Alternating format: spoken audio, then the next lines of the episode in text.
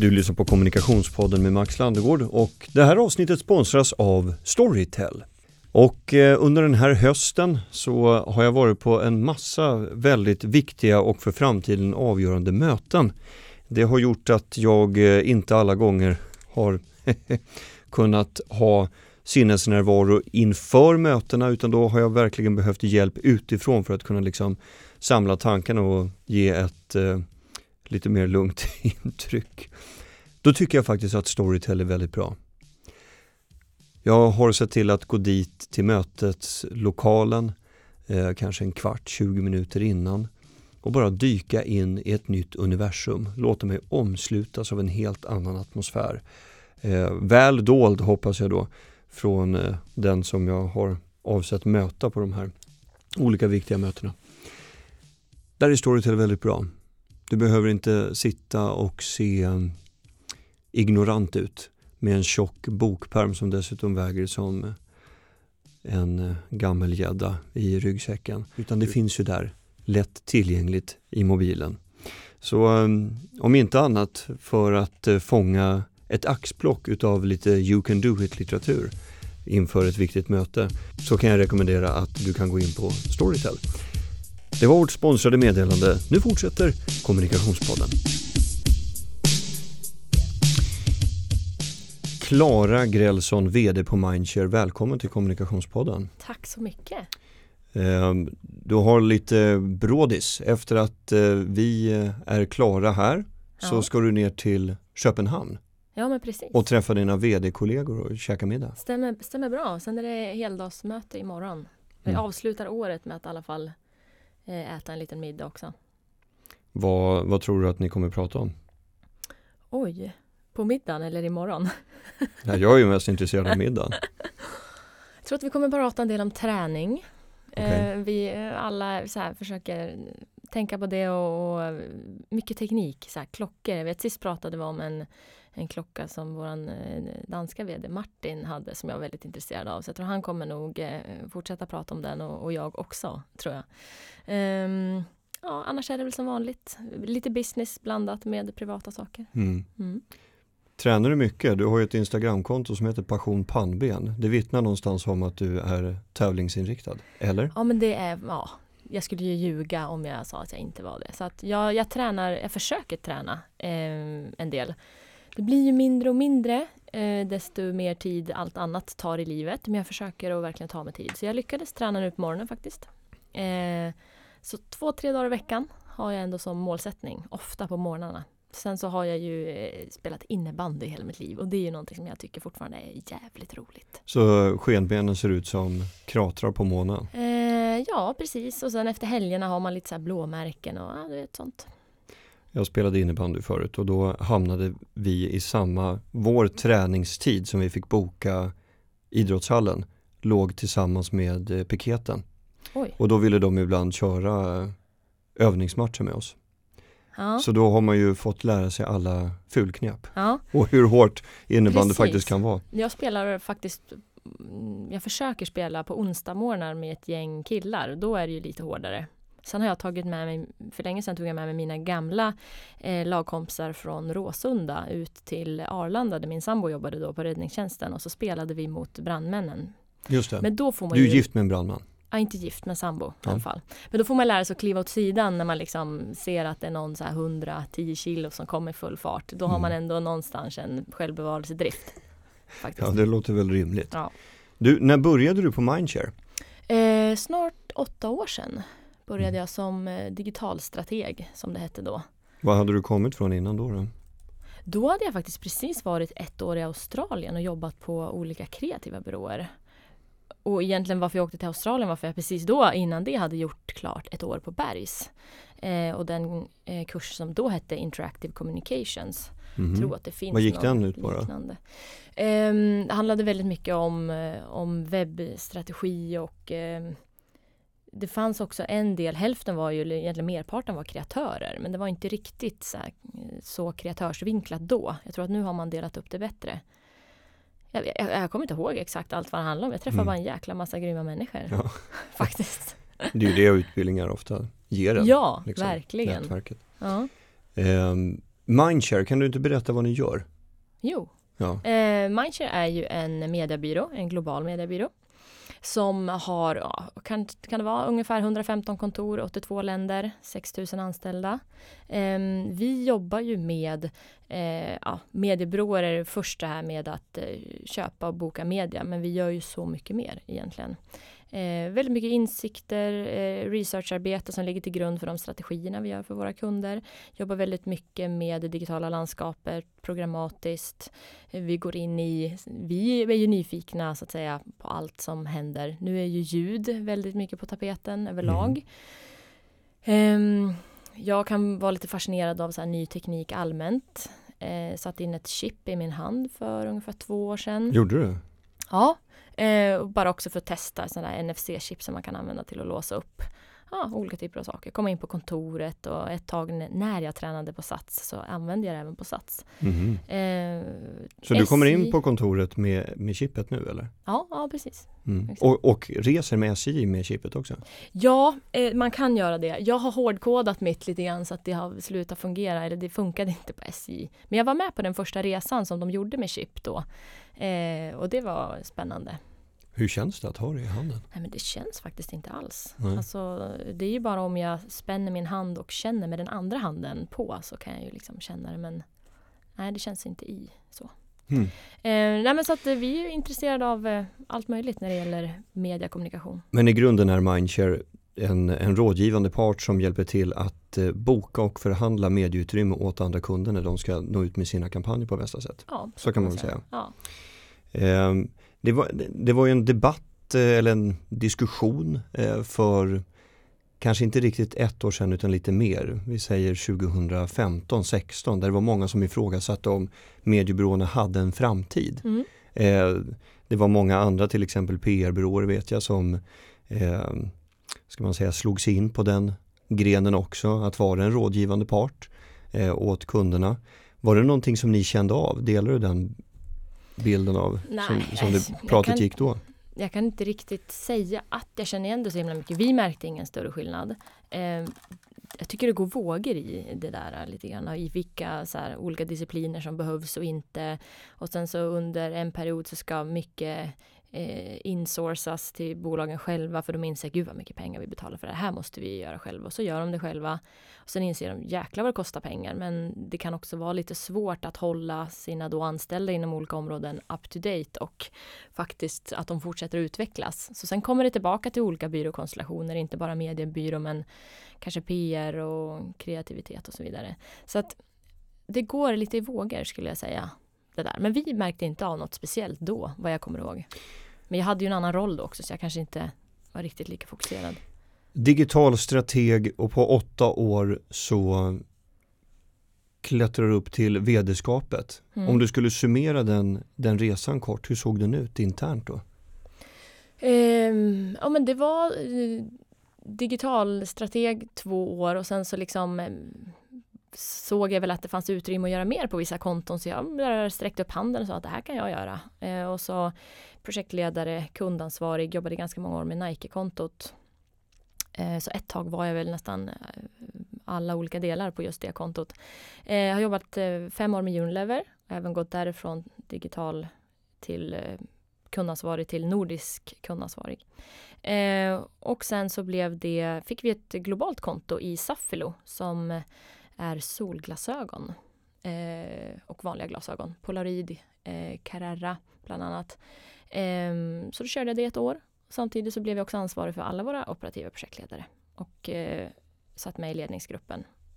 Har väl gjort det kanske då i två år och sen eh, jobbade jag väldigt nära Kenneth Danielsson som var våran förra VD. Ehm, och vid något tillfälle så har jag för mig att han sa till mig eh, Klara, du, du vet att det är du som ska göra det här efter mig va? Och jag var så här, nej, det tror jag inte. Sen kom dagen då han slutade, så det är väl klart att jag hade väl någon tanke att så här, shit, nu kanske frågan kommer. Sen gjorde den det. Hur såg det ut när du fick frågan? Oj, jag kommer inte ihåg riktigt det tillfället, men jag kommer ihåg att vi diskuterade väldigt mycket att eh, jag tyckte att det var dags, och även han, för kvinnligt ledarskap. Vi har inte haft det inom Group M i Sverige tidigare på någon av de byråerna. Eh, och sen om vi tittar just idag då så har vi ju faktiskt merparten kvinnor just nu i, i vårat exco. Men eh, det var, det var liksom under flera omgångar men eh, efter att jag på något sätt fick frågan åkte jag både till Danmark och sen till London då för att träffa nordisk vd och eh, våran Europa-vd, Helen. Mm. Mm. Vad var du orolig för? Var fanns det, eller det finns det ju alltid.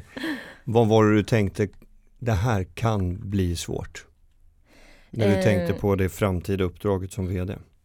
Eh, ja, det finns många saker som kan, som kan vara svårt. Det är klart att de flashar förbi eh, lite snabbt, men eh, det är klart att det är en utmaning att ha vux, vuxit upp på en byrå som man sen blir ansvarig för. Så att jag menar, jag var ju en rookie när andra hade jobbat där åtta år. Nu har jag jobbat åtta och de har jobbat 16 år kanske eller så. Eh, så det är klart att det är en, en utmaning att leda de som tidigare ledde mig. Ehm, Hur tar man sig an en sån uppgift? Jag tror man bara måste vara ödmjuk, att alla ändå kan ha olika eh, approacher kring det och tycka att det är mer eller mindre jobbigt. Eh, men också att jag själv, man måste ju tro på sig själv också, att man kan göra ett bra jobb. Och det är väl kanske där som det i vissa fall kan svikta hos folk. Får man en fråga om att ta sig an en roll så kanske speciellt många kvinnor kan ju också tänka att nej men oj, ska jag klara av det här eller hur ska jag hinna med privatliv och allt annat och så vidare. Så på ett sätt måste man också bara våga. Och jag kommer ångra mig mer om jag aldrig provar. För då kommer jag liksom ha ångest hela livet över att jag inte testade olika typer av saker. För man måste ju ändå, då är det bättre att misslyckas. Nästan så jag skulle vilja få sparken någon gång i mitt liv. För då vet man ändå att man har gjort liksom någonting som ändå man kanske trodde på. Sen så att ingen annan trodde på det, men vad fasiken, då har man ändå gjort någonting. Ja. Hur hanterar du när medarbetare av hävd för att de kanske har jobbat längre, är äldre eller tycker sig ha ett, en förtur, en tolkningsföreträde i en viss fråga eh, och eh, ifrågasätter dig? Jag behöver faktiskt inte hantera det så himla många gånger för jag har inte, det har inte varit ett problem på Mindshare som jag egentligen har upplevt eh, ordentligt. Liksom. Det är klart att, att det kan finnas små nyanser av det.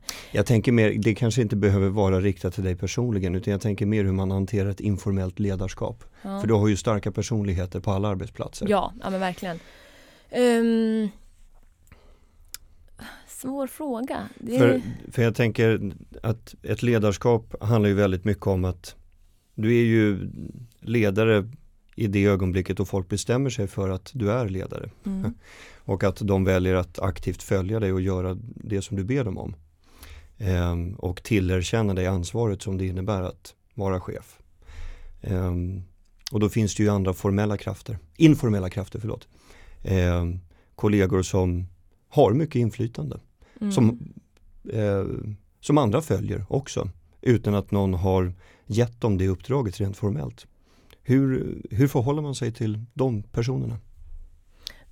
De personerna är ju jätteviktiga. Egentligen så är det så att alla som jag jobbar med är ju bättre än mig på ja, alla möjliga olika typer av saker. Jag blir ju mer och mer en generalist så jag tar ju hjälp av alla andra som är både inofficiella ledare eller experter på sina områden och egentligen lyssnar in vad de har att säga. Det är de som är kanske proffsen. Det är samma sak, det är ju inte all personal som kanske vill hänga med mig. Och då, även inofficiella ledare får man ju ta in hur, så att säga, vad, hur stämningen är och vad, vad det är som händer runt om en om inte jag riktigt ser allt eller blir inbjuden till alla sådana dialoger. Så jag skulle säga att det är tillsammans man gör det. Så jag är nog väldigt inlyssnande men ändå medveten om att, och jag tror att de andra också är medvetna om att jag ändå tar ett beslut. Sen så i en ledningsgrupp, där jobbar man ju ännu tajtare tillsammans.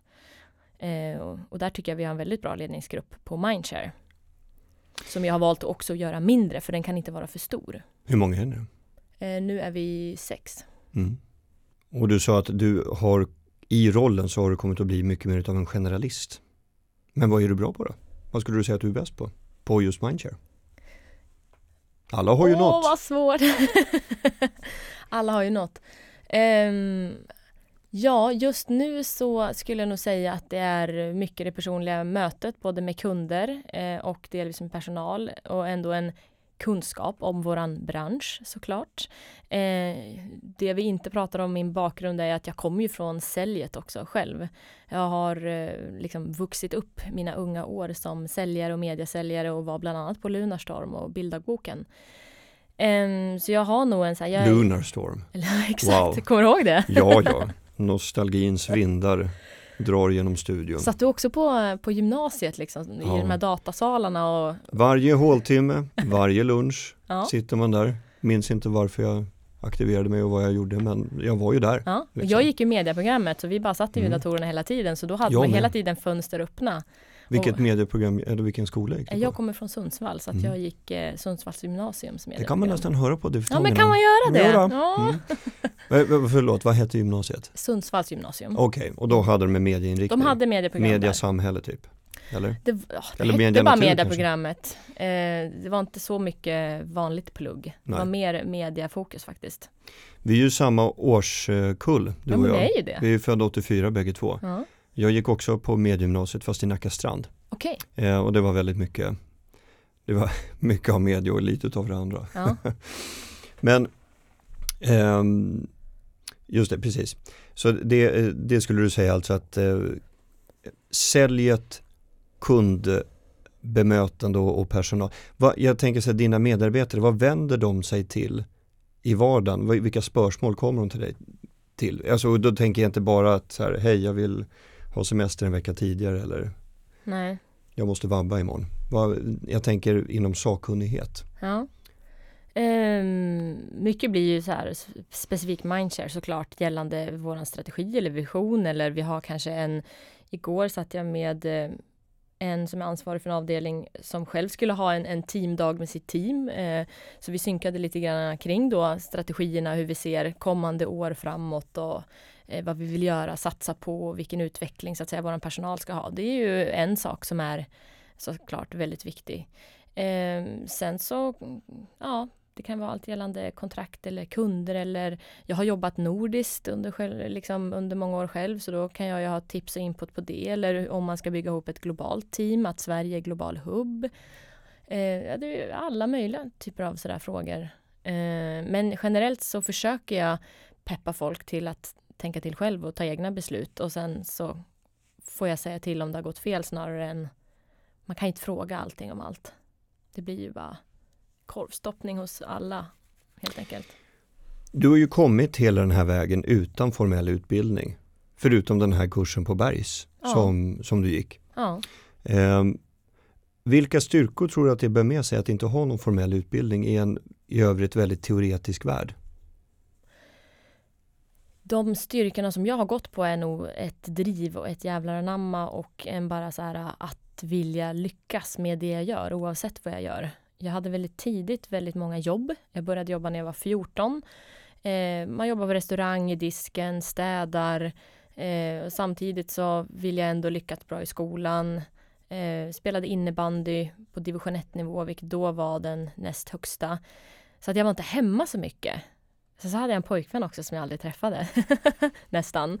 Eh, men jag vet inte, det är nog det här liksom, drivet att vilja framåt. Eh, och då får jag ju plocka in och lära mig saker under vägen. Och det är ju det som jag tycker är learning by doing är ju det bästa, tycker jag. Eh, jag blir liksom lite trött om jag ska sitta i så skolbänken eller hålla på med för teoretiska saker. Jag är inte en teoretisk person. Jag är mycket mer praktisk, helt enkelt. Va, vad, vad jobbar dina föräldrar med? Eh, min mamma är förskolechef och min pappa jobbar inom vattenkraft. Okej. Okay. Ja. Mm. Så jag började faktiskt teknikprogrammet som en liten influens då av mina föräldrar att men ska du inte gå teknik, det är ju bra liksom, grund och så vidare. Ja, ja visst, jag kan väl göra det. Och så gjorde jag det i sex veckor och det var ju matte två gånger om dagen och jag höll på att kräkas på det där. Och eftersom jag hade kommit in då på medieprogrammet som var bra mycket högre intagningspoäng så lyckades jag flytta över dit. Så sex veckor för sent eh, efter mina andra klasskompisar började jag mm. på media. Men hade grymma lärare som pluggade med mig i då sex veckor läste jag eh, på kvällstid, två dagar i veckan. Så det gjorde alltså de här gymnasielärarna med mig och några andra då som började för sent. Vill du hälsa? Var... Till ja. gymnasielärarna, kommer du ihåg vad ja, de heter? Ja, men det gör jag. Christer, Pelle, Olle. Jag hade en fotolärare som heter Olle Blixt. Är inte det fantastiskt? Underbart, en Och aptonym Ja. när du heter det som du jobbar med. Exakt. Mm. Ja, men de var grymma. Finns det några ögonblick när du känner att du behövt utbildning? Ja, ehm, just gällande företagsekonomi kan det ju ibland vara bra eh, att ha lite utbildning. Men där tycker jag, där plockar jag också på mig ganska mycket nu. Eh, när jag så att säga jobbar med det eller kommer närmare den delen. Men jag har faktiskt tagit en liten ekonomikurs på bara, du vet, två dagar eller något sånt där. Så man kan Mm. liksom plocka ihop lite det man känner att man behöver för stunden. Det är ju det som många säger också, att vi, vi rör oss mot en verklighet där man måste varva arbete och fortbildning Ja. löpande. Inte bara i början utav livet utan hela vägen in i mål. Mm. Eh, tycker du att du kan se skillnad på kollegor som har eller inte har en formell utbildning när de arbetar? Nej, det har jag nog faktiskt inte tänkt på. Däremot mina två yngre bröder är ju båda civilingenjörer. De är ju väldigt mycket mer tekniska, teoretiska, sifferdrivna och liksom sådär. Medan jag är mer, ja men gå på känsla liksom. Magkänsla och det, är sådär. det låter så jävla flummigt men alltså jag kan nog ändå tycka att jag ändå kan uppfatta saker i vissa situationer som de inte gör. För att de har liksom, de är andra typer av personer. Så att jag tror att just det här att, att jobba med olika typer av personer är väldigt viktigt. Att man har olika bakgrunder, liksom, man har fått olika input från start. Det gör ju att ett samtal blir ju rikare än att alla kommer från samma vinkling på något sätt. Tycker jag i alla fall. Hur, hur länge tror du att mediebyråer kommer behövas? Jag tror att mediebyråer kommer utvecklas. Eh, jag tror att alla olika byråer kommer utvecklas utefter så att säga de behoven som finns. Eh, det finns ju de kreativa byråerna som börjar köpa media också. Så att inom Group M har ju vi våran egen produktion i M-studio till exempel. Så att vi ehm, och vi, blir ju, vi är ju väldigt datadrivna. Ehm, vi har ett rum som heter The Loop där vi har åtta skärmar och eh, dashboards där vi tittar på våra ehm, kunders kampanjer i realtid. Ehm, så att jag skulle säga att den traditionella mediebyrån kommer nog kanske inte finnas kvar så överdrivet länge men jag tror att den kommer att utvecklas precis som vi människor gör när det kommer ny teknik och vi anpassar oss. Så, så du menar att eh, Group M som Mindshare tillhör kommer gå in mer i den kreativa branschen, eller? Ja, men man kan väl säga att vi lite delvis har gjort det i och med att vi har vår egen eh, produktion också. Eh, även om vi absolut inte så att säga slåss med de stora eh, reklambyråerna på något sätt som gör storslagna produktioner. Men mindre och, saker och eh, anpassningar och sånt där. Vi jobbar ju med mycket globala kunder. De vill ju inte alltid eh, och vi råder dem eh, inte alltid att använda det globala materialet i Sverige. Då kan man ju behöva tweaka sånt lite grann. Mm. Och det är ju, eh, kan ju vi då göra till exempel. Så att det, jag tror att ehm, vi liksom kommer hänga på utvecklingen och, eh, och följa med. Var vd-jobbet eh, eller liksom vd-posten det som du hade föreställt dig innan du trädde in i rollen? Absolut inte. Hur, eh, Aldrig, alltså VD, hur tråkigt låter inte det? Ja, Det låter ju skittråkigt. ja, När jag var digital strateg och Ja. fick frågan om att bli kundansvarig så tänkte jag också det, men gud, är det roligt eller? Och så bara, ja men jag kanske ska prova, annars vet jag inte. Och så provade jag och sen så du vet, går det vidare från det och sen så får man frågan och så bara, VD, det låter ju lite fläskigt, som att man måste vara trött och mätt och liksom, ja du vet, så. Mm. Mm. Jag tycker det är kul. Jag känner fortfarande att det är ett, ja, alltså jag lär mig saker varje dag. Sen så måste man bara våga ställa frågan. För att det finns ju vissa som tror att man ska kunna allting när man har kommit till liksom en viss nivå eller sådär. Fan, jag kan inte allting. Det är bara att i sådana fall säga, ursäkta nu förstår jag inte eller kan du förklara det lite mer för att det är, ja. Men jag tror många låtsas om som att de vet och så sitter man där och hummar och bara så nickar instämmande tills någon faktiskt ställer en fråga så här, ah, okej, ja men eh, hur tycker du att vi ska gå vidare eller hur vill du jobba med det här? Och så bara, då, liksom när man har suttit och nickat där i antal månader eller gjort någonting så bara, ah okej, nej men du kan ju ingenting om det här, okej. Det är ju det värsta. Så där skulle jag nog uppmana alla att säga att man inte kan, då lär man sig ju någonting istället liksom. Hur, hur ser 2019 ut för dig? Eh, kalendermässigt tänkte du säga, eller utmaningsmässigt.